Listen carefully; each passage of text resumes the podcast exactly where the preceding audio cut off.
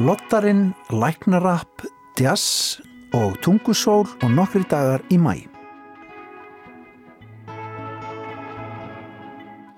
Í vísjá í dag heyru við af nýju verki myndlistamannsins Styrmis Arnar Guðmundssonar What am I doing with my life eða hvað er ég að gera við líf mitt.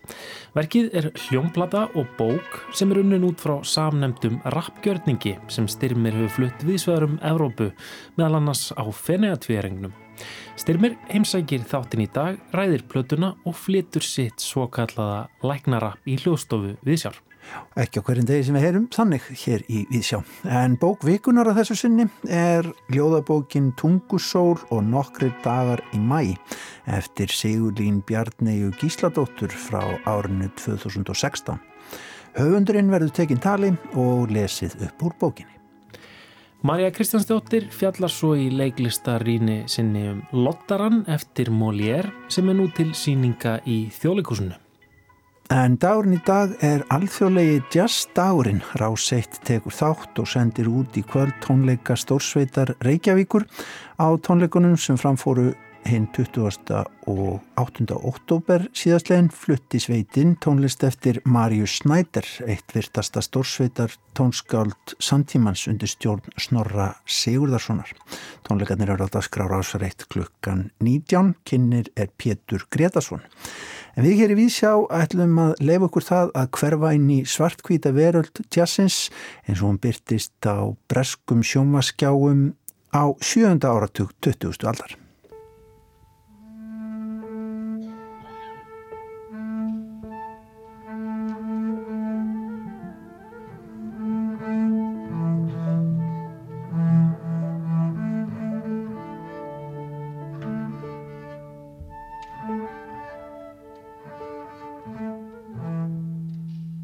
Stödd í sjómarsal.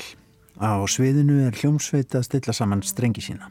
Við sjáum bara útlínur hljómsveita meðlima, ekki hefur verið enn kveikt á sviðskosturinnum í myndverinu. Gerstgjafinn gengur í salin. Hello, good evening. In this Jazz 625 series, we've introduced many of the greatest names in contemporary jazz. But up to this very moment, there's been one glaring omission. And that's the man whose name is always linked with that of the late Charlie Parker as one of the prime architects of modern jazz. Twenty years ago, Dizzy Gillespie was a jazz revolutionary whose phenomenal technique burst the accepted bounds of trumpet playing and influenced a whole generation of jazzmen, as Louis Armstrong had done 20 years before. Well, today, Dizzy is accepted as a giant among jazz giants. He regularly undertakes uh, worldwide tours, goodwill tours, under the sponsorship of the US State Department. And tonight, He's our man on Jazz 625, Dizzy Gillespie.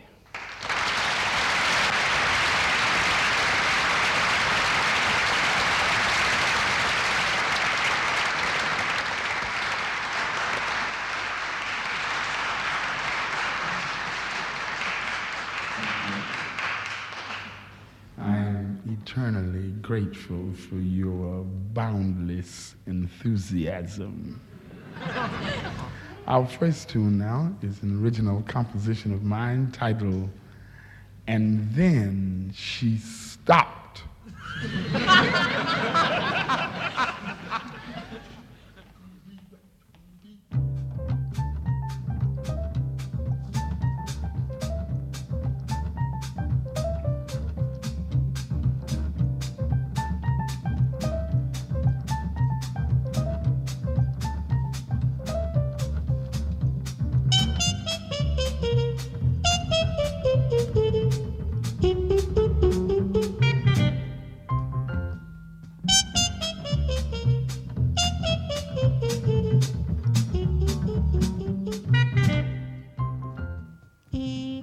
Sjómanstátturinn Jazz 625 sem breska ríkisútvarpið BBC hjælt úti um tveggja ára skeið um miðjan sjönda áratugin.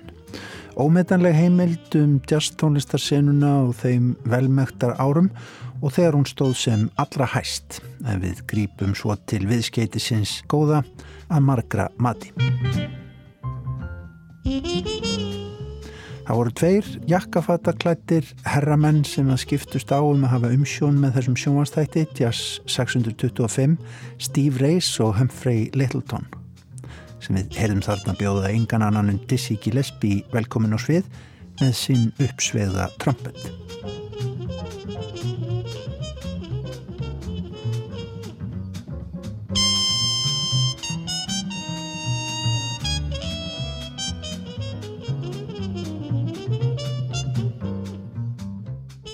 Meistararnir komu í laungum röðum í Jazz 625.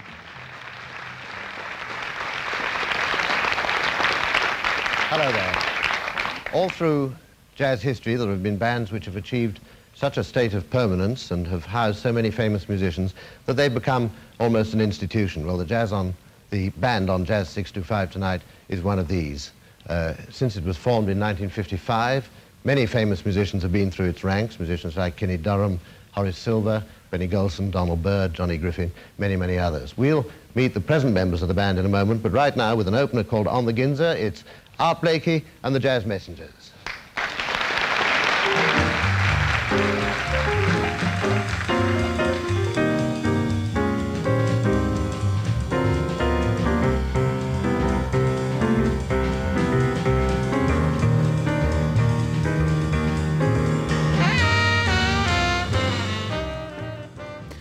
Já, sendibóðar jazzins streymdu fram þarna í breska sjónvarsmyndverinu og áhrif þessa sjónvarsefnis voru mikil þrátt fyrir að bítlarnir væru aðal stjörnur æskulíðsins á þessum árum.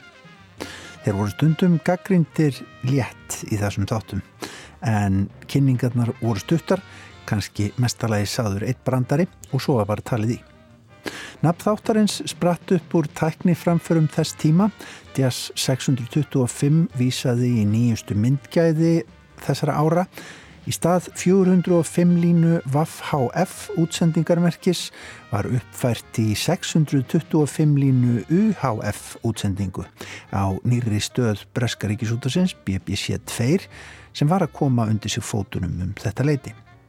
Þetta var 4K þess tíma til þarna úti sem að viti hvað ég er að tala um. Það allra fínasta í myndgæðum en auðvita í svart kvítu. Í breska dagblæðinu The Guardian er fjallað um þennan þátt en slatta af heimsóknum jazzmeistarana í hann má nálgast á YouTube myndveitunni og það er gaman að gleima sér um stund í þessum heimi. Ever since Jazz 625 started, many famous American musicians have appeared on this program. Some of them have been on tour in this country and some of them have hopped across from the continent. But now, for the very first time, the BBC has flown in from America two great American jazz men, especially for 625, an event practically unheard of outside of This Is Your Life. Anyway, now it's my very great pleasure to introduce Clark Terry and Bob Brookmeyer.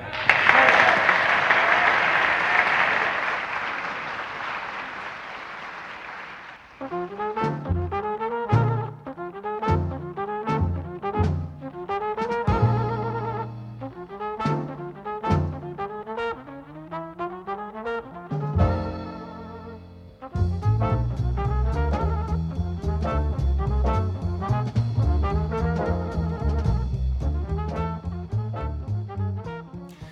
var miklu til tjaldað í Jazz 625. Breska útvarpið greip þá bandarísku jazztónlistamenn sem komu til Breitlands í myndverið og einstakarsinnum var þeim jafnvel flóið sérstaklega yfir hafið. Hugmyndina að þættinum átti klarinettuleikarin Terry Henneberry sem var framleiðandi hjá BBC Þátturinn hóf gungu sína um það leiti sem að langvinn deila breskra og bandarískra tónlistamanna var að leysast sem að gerði það verkum að þeir bandarísku máttulóks koma til Breitlands með vinnu sína en slíkt hafi ekki verið leift alveg frá því á fjórðáratögnum. Um leið var ímislegt að gerast í breskum jazzi þannig að þetta kom sér vel. Tíðarandin skín vel í gegn. Jakkaföttin eru óaðfinnanleg, buksutnar hæfilega stuttar, lakrísbindin þráð bein.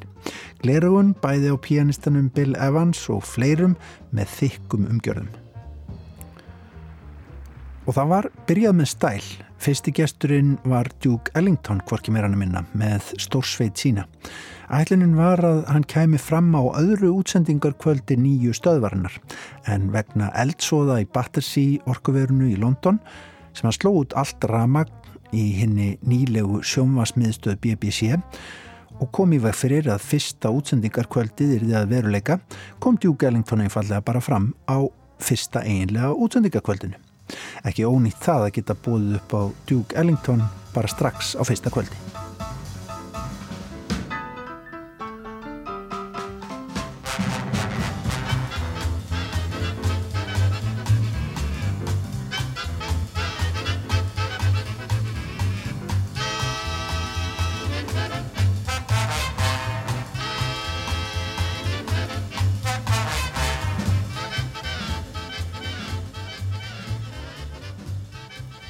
Vist bara lukka að flestir þættirnir af Jazz 625 hafi lifað að. Þeir voru teknir upp og geimdir sem var ekkit endilega vinnureglan á þessum árum. Þetta veitum við vel hér í Íslenska ríkisútvarpinu. Og það er eitthvað ómótstæðilega heillandi við þennan heim, snilli þessara tónlistamanna rýfur mann oft með sér svartkvítan fer engar vel við jazz. Þetta vitum við til dæmis af svartkvítum ljósmyndum sem að mestrararaborðið William Claxton tóku á sínum tíma af jazz tónlistamönnum í hljóðverum. Í umfjöldunum The Guardian er spurt um það hvort að þessi mikilvægi tónlistarsjónastáttur frá sjönda áratögnum geti hveikt áhuga hjá nýri kynnslóð í dag þrátt fyrir lit leysið. Þetta er sjónvarsefni sem hefur verið sínt af og til í gegnum árin en þar vist að fara dustareikið af enn einu sunni. Af 83 hálftíma löngum þáttum munu 50 vera enn til í geimslum BBC. Þetta var yfirlætislaus miðlun á tónlist sem fjekkum leið viðkenningu með vikulum þætti, tvo vetur í rauð. Og nú ætlar breska sjónvarpið að endur taka leikin, senda út eins konar virðingar vott, tónleika á Cheltenham jazzháttíðinni þar sem breskir jazztónlistamenn koma saman og spila, auðvita í svart kvítri mynd. Þetta verður á BBC 4 og auðvitað koma sérstakir gestir frá bandarækjunum, saxofónleikarin Joshua Redman og söngvarinn Gregory Porter. Í uppteknu einslægi dagskrárunar sést síðan Rolling Stones trommarinn Charlie Watts við settið leika jazz með æskuvinni sínum bassaleikarinnum Dave Green. Og vonandi hefnast þetta allt vel og vonandi tekst að hafa þetta ekkert hallarislegt svona á 2001. öldinni í svart kvítu. En upprannlegu þættirnir lifa, þeir skipta miklu máli, þetta eru mikilvægar perlur. Flestir ráði að mesta perlan sem að hafi komið út úr Jazz 625 þáttunum hafi verið heimsókn Bill Evans með tríónu sínu sem þá voru í Chuck Israels og Larry Bunker. Við skulum fá smá sínisord, þetta er How My Heart Sings. The Bill Evans trio is a trio in the complete sense of the term, three superlative musicians working together as a group under the leadership of one of the great contemporary jazz men. Let's go over and meet the musicians now. First of all, on bass, Chuck Israels.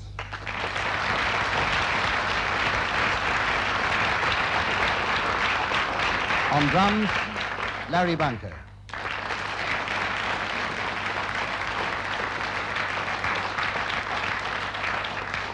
And on piano, the leader, Bill Evans.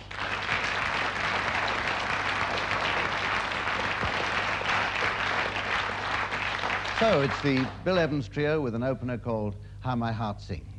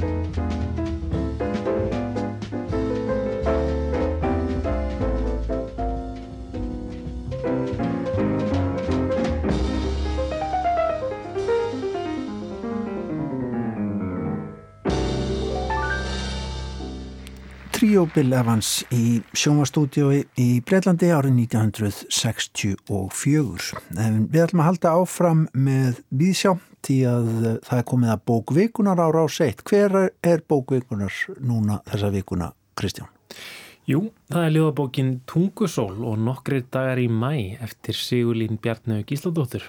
Þetta er bók frá árinu 2016 og er ansið áhugaverð. Við spjöldum við Sigurlín fyrir í dag. Uh, hún byrjaði að lesa eitt ljóð og svo sagði hún okkur frá bókinni. Heyrum það. Án titils.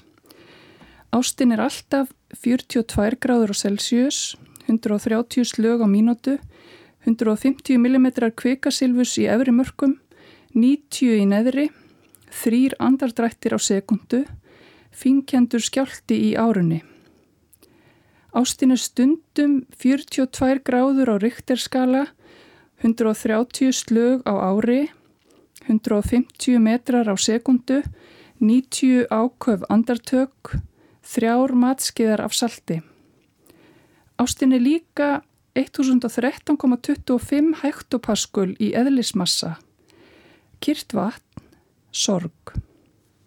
Þetta er bók sem kom út 2016 e, ljóðabók. Uh, hún er þrískipt. Fyrst í hlutin eru svona ímyndaðar dagbókafæslu látrabjargar og miðlutin eru ljóður ímsum áttum. Og, og svo er síðast í hlutin e, allt öðru sig það eru e, mín eigin dagbókafbrott síðustu dagar mæmánaðar 2014 og það er svona meira kannski rárteksti, svona flæðiskrif e, þar sem að e, er að glíma við e, mikla sorg og, og svona nota skrifin í þeim hluta til að vinna mig út úr hlutum og, kannski reyna að skilja hlutina. Já og, þannig að þetta er það er, þetta er svona fjölbreyttu teksti í þessu. Ég meit Þetta er fjölbreyttu teksti, hvernig séu tengingarnar þannig að milli, akkur setur þetta allt saman í eina bók? Ég átti bara þetta til og, og mér fannst þetta að passa saman. Ég ætlaði náttúrulega að gera miklu meira úr Látrabjörgu en um, svo bara ekkert neginn kom ekki meira og hún kallaði, var búin að kalla á mig í svolítinn tíma. Þetta er náttúrulega kona sem er uppi á átjóndöld og fór á flæking og hann var mikið og, og það var náttúrulega hún hún skrifar ekkert niður af þessum kvæðum sínum en þau, þau lifa í munleiri geimt þannig hún er svona hálfgerð þjóðsagna persóna en við höfum náttúrulega ekkert aðgangað þegar fólk, það er svona langt sína fólk er uppið og höfum ekkert aðgangað þeirra tilfinningarlífi og hugsunum svona beint. Þannig ég tek mér það bestalega að fara þangað og svona ímynda mér mögulega ekkurar tilfinningar en auðvitað er ég að varpa sjálfur mér svolítið á hana. Og hún er að glíma við ástasorg það, er, það eru sögur um franskan sjómann sem á að hafa svikið hana. Og ég læti hana fara svolítið út í hana, gremju og, og reyði og svona grimd og svo eru ljóðin í mið, miðlutunum þau verða til bara á uh, löngum tíma og koma úr ymsum áttum. En ég held að svona ef það er eitthvað sem saminar alla þessa texta þá er það uh, þræðir þræðir sem slittna og líka sjórin því að sko Látrabjörg fór á sjó og stundaði sjómennsku og það er hérna ljóðum sjóin í miðlutunum og, og svo er sjórin svolítið miðlægur líka í, síðastu lutunum þannig að það er svona eina sem ég sé sem tengingar og kannski eru fleiri tengingar. En þetta er líka svolítið kvenlegur texti held ég. Um, mér langaði að fara að því að bókið síka út áður heiti Jarðvist og þar er eiginlega allar personunnar kallmenn og ég fer inn í þeirra hugarheim.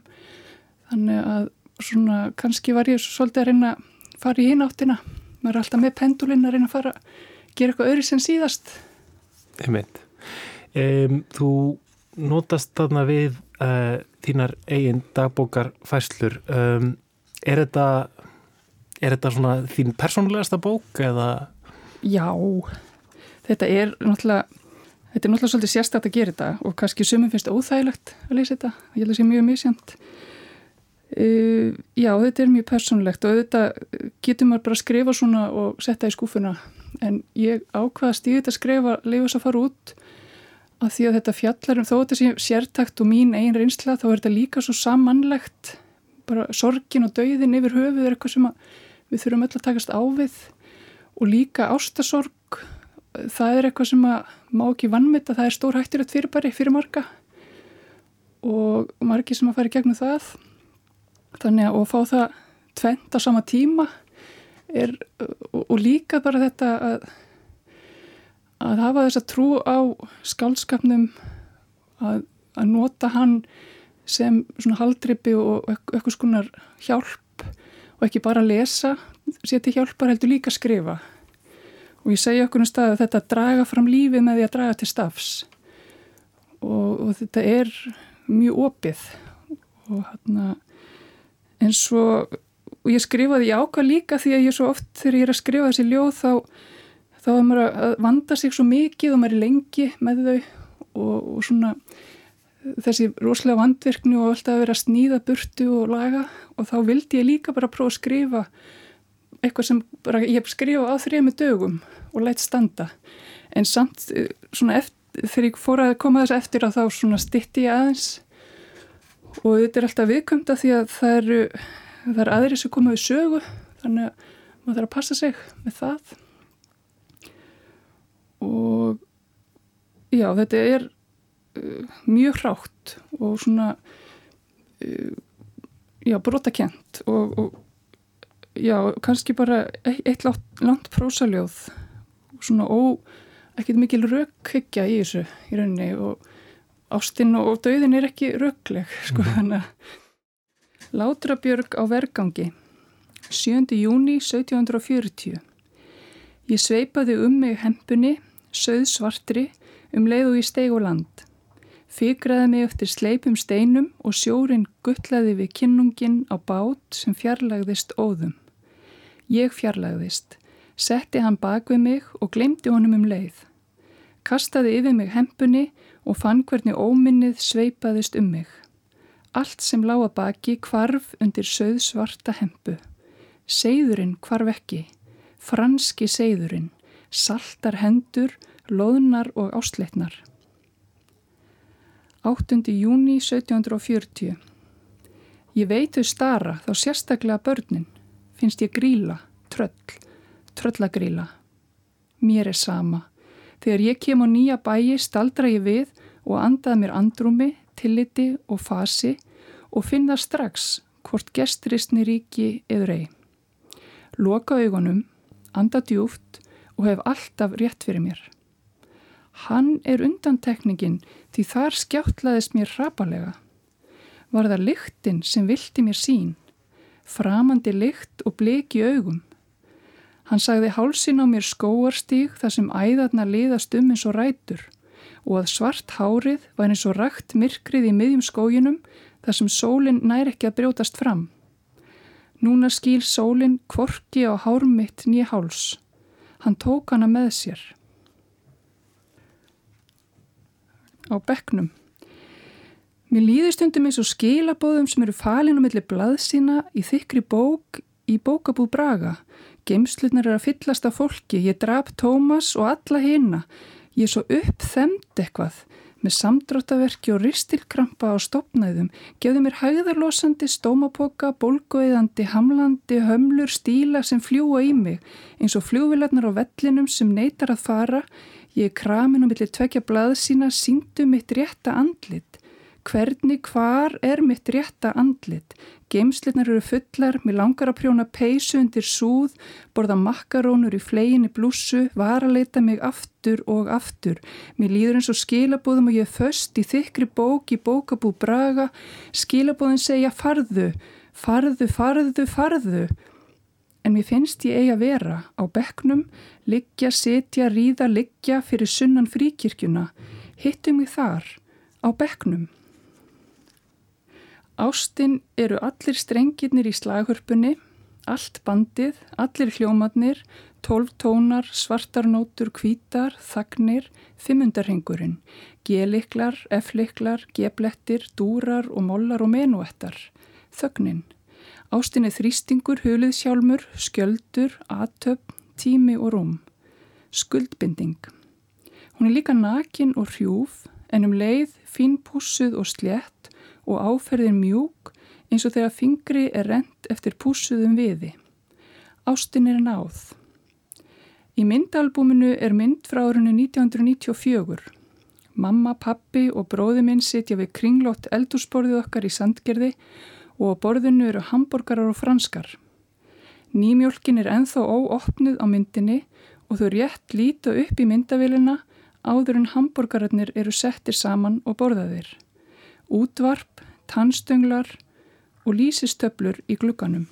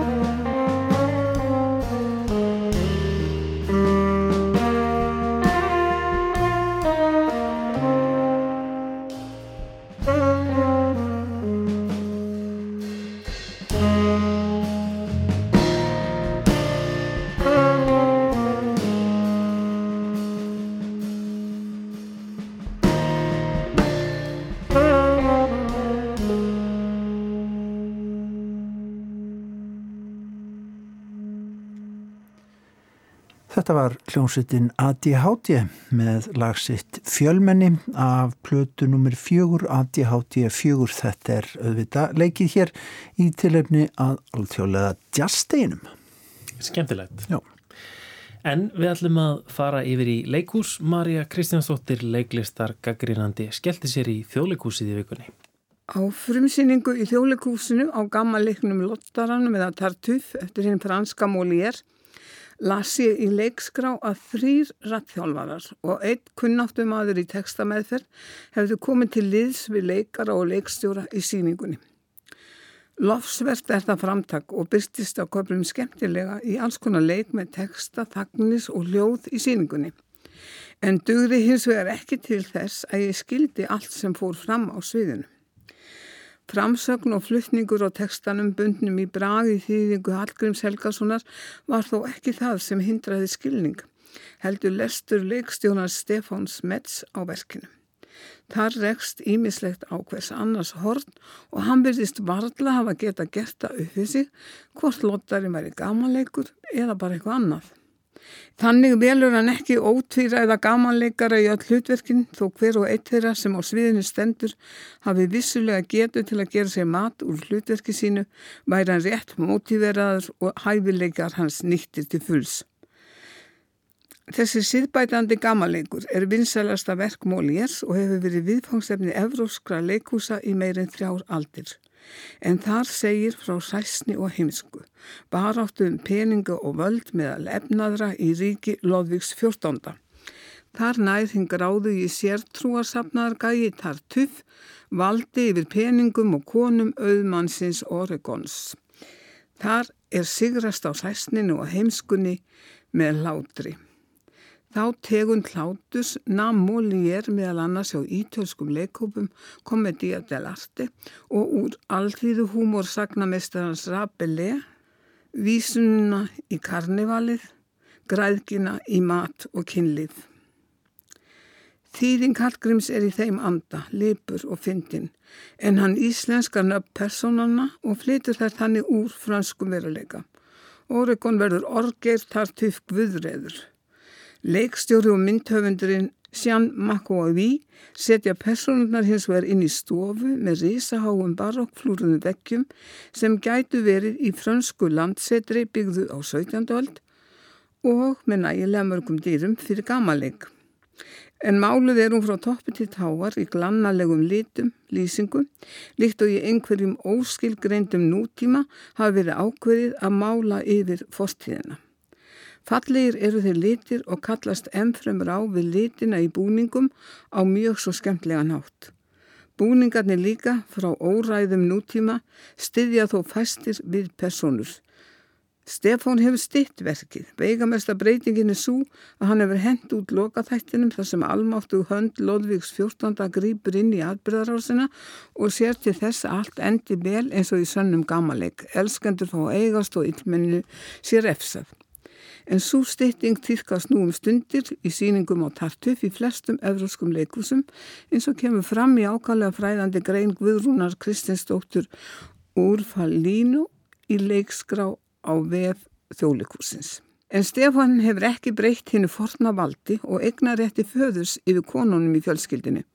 Það að gera unnusta Maríunum dóttur hans val að lessu orkar því bara ankannarlega, óskiljarlega og fær mann til að hugsa væri ekki samkynneigrinni betur líst í sambandi orgels og guðreðurs. Óskiljanlegt er líka samband þeirra orgels og guðreðs. Kemur þar tvent til. Í fyrsta lagi þá eru personur þeir ekki dregnar upp í nógum skýrum eða yktum myndum.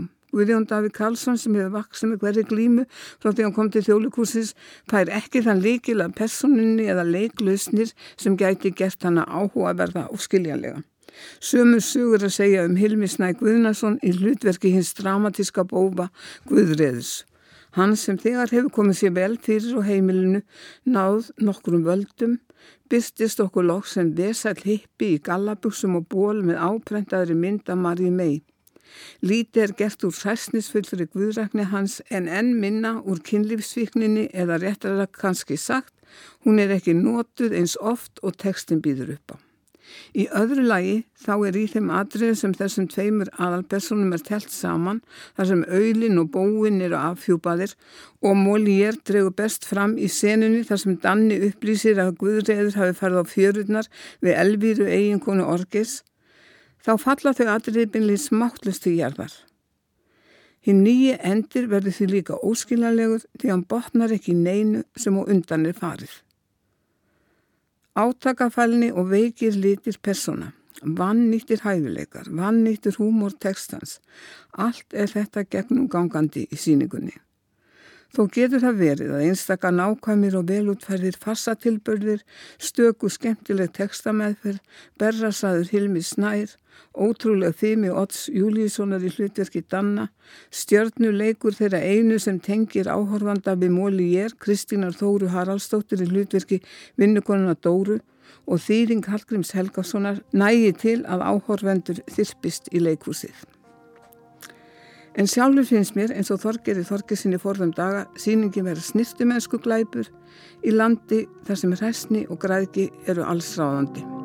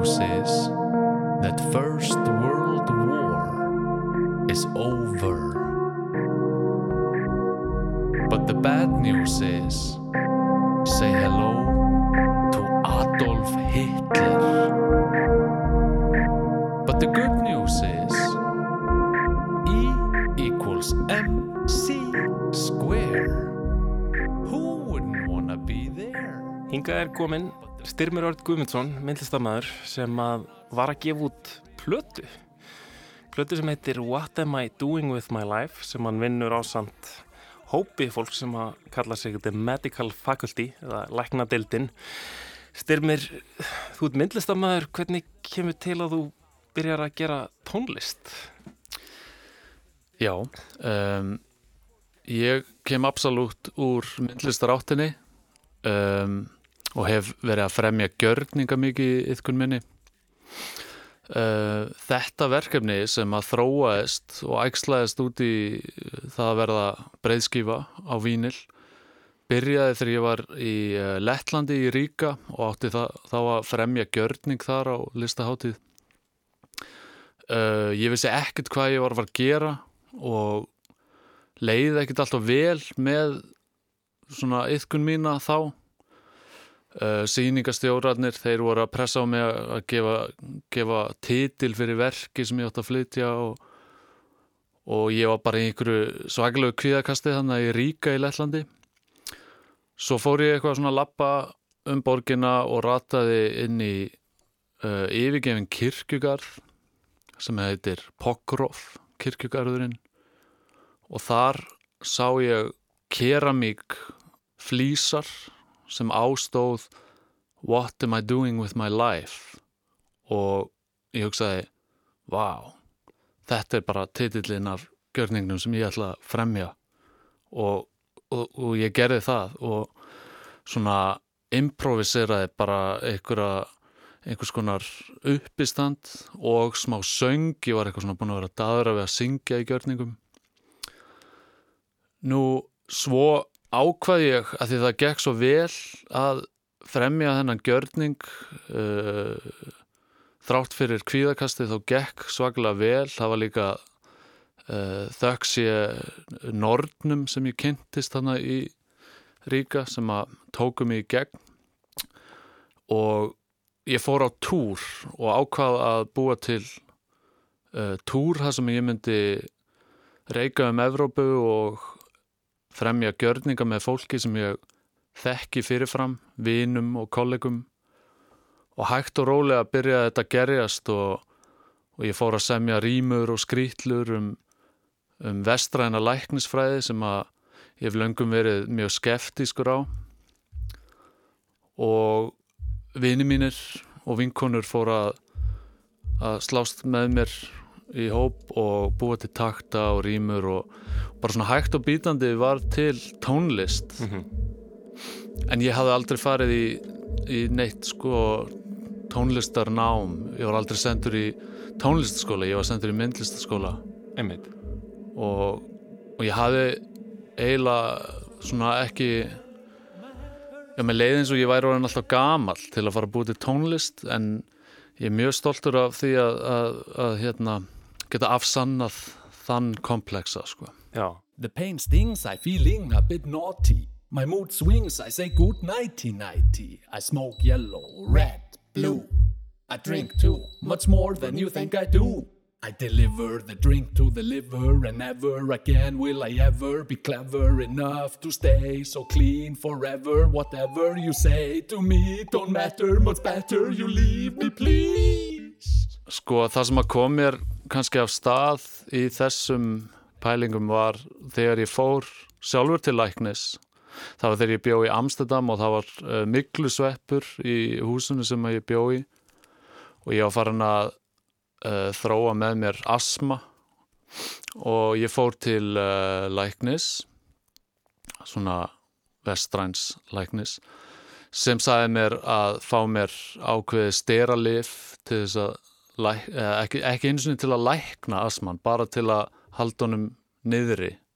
Og mér leist ekkert á það að vera hérna pústa einhverjum styrum í mig á hvernig meinasta degi og spurði mér að hvaða auka áhrif þetta hefur og læknir sagði að það er ekkert svo í rauninni engin auka áhrif nema bara röttin þín geti breyst. Og þá þá, þá, þá fekk ég alveg nóg sko.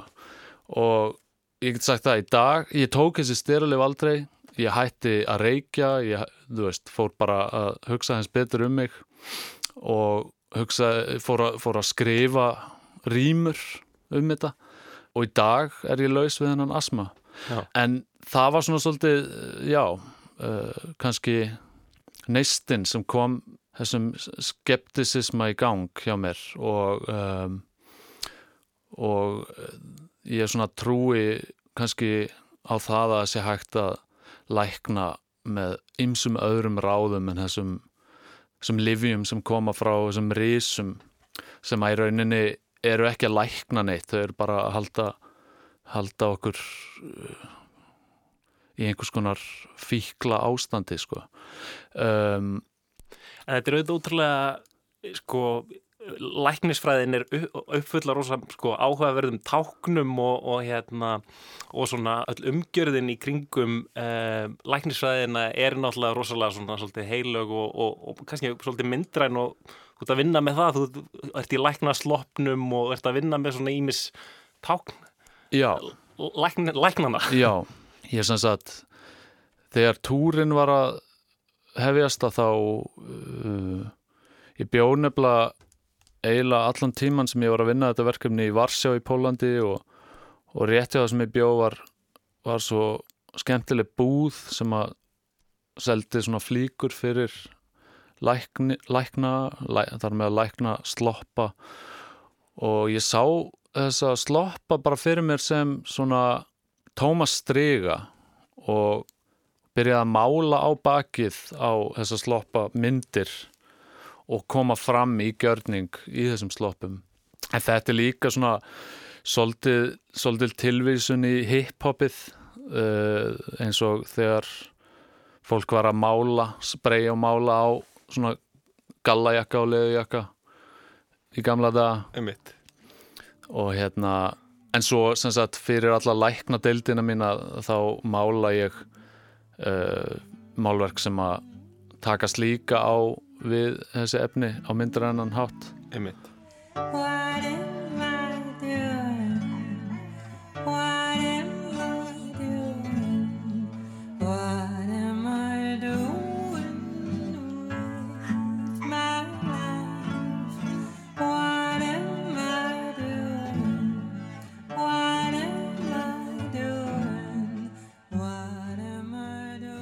En þú, þú hefði verið í, sko, í gjörningunum þínum, þá náttúrulega hefur, ertu ofta að segja ykkur að sögur, þú, þú ert svona eiginlega sögumadur og, og þetta er kannski bara svona einhvern veginn, um, já, nýleið til þess að segja sögur. Já, og ég líka bara er, nú trú ég því og er búin að fatta það að tónlist er ekkit öðruvísi list heldur en myndlist, það er bara output við er öðruvísi og list er öll list er bara list.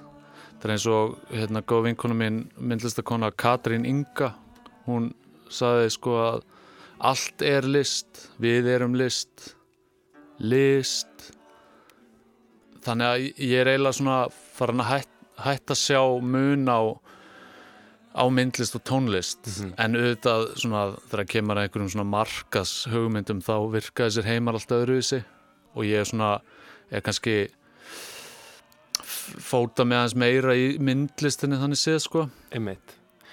en á plötun er ég að vinna mikið með uh, tónlistarfólki eins og honum Indriða og, og það eru fleiri hann að Körver Tórótsen hann masterar plötuna og þetta eru svona tónlistamenn sem eru samt líka í myndlist Já, einmitt. Um, en styrmir það væri ekki svolítið skemmtilegt að, að fá uh, hljóðdæmi. Væru kannski til í að rappa eitthvað fyrir okkur eða eitthvað? Já, algjörlega ég er svo sannlega til í það að rappa eins fyrir hlustundur Já. Já, ég sem sagt uh, bjó í Varsjá í Pólandi uh, mest allan þann tíma sem að ég var að semja og, og, og vinna að þessu verkefni. Og uh, mikið af þessari tónlist er líka svona nokkurnu veginn pólitísk ádeila það var nefnilega þannig að þegar ég uh, bjó, bjó í Varsjá þá var uh, stjórnmálaflokkurinn PIS að koma til valda og það trublaði mig og, og flesta alla í kringum mig mjög mikið og uh, þeir eru PIS-flokkurinn er nú ennþá við völd og vonandi fer þetta eitthvað að breytast þarna hjá Pólverum en, en mér langar að tilenga þetta lag sem ég ætla að rappa fyrir ykkur öllum þeim Pólverum sem búa hér á Íslandi. Þetta lag fjallar um götuna sem ég bjó í í Varsjá. Gjöru þið svo vel Og með þessu lagi allar styrmir Örd Guðmundsson að ljúka viðsjá í dag. Takk fyrir okkur. Rastvacie Tak, tak, tak jest. Ulica Marsjakowska Albo Hozia Niepodległości Kurwa nie wiem Śródmieście Warszawa. Idziemy. Ég er að lappa niður Það er öllum nokkuð nett sama Engin horfir á neitt, engin horfir á neitt Hvaða vitlisa er þetta?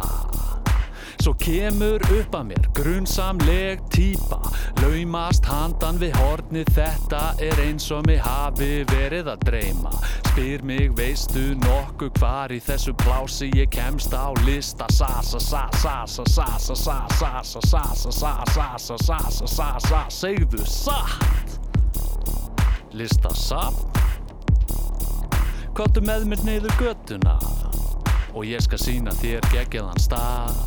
Fáum okkur eitthvað gott að borða.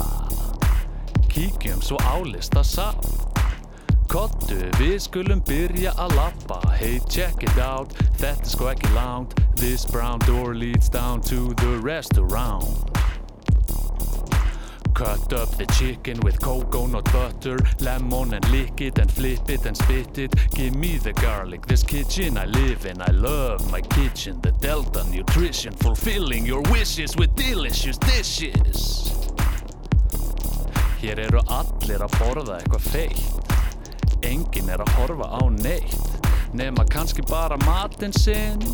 Má ég fá reikningin minn og bombast út í göngutúr. Ég lappa svo mikið, ég gekk yfir strikið. Veit ekki lengur hvað ég heiti. Veit einhver inn í þessu útvarshúsi hvað ég heiti?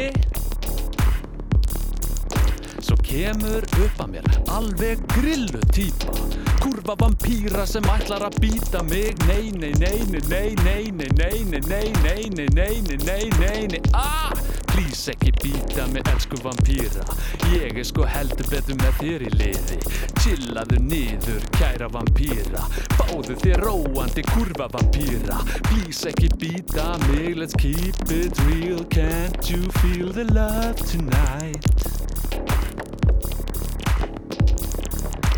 Vampýra og ég erum alveg bestu vinnir Chillum oft saman á grasbalanum Og grillum humar á halanum. Með risarauða kúl á maganum Veit einhver hvað ég er að reyna að tala um. Ég er að lappa niður göduna og þannig er það bara. Abracadabra.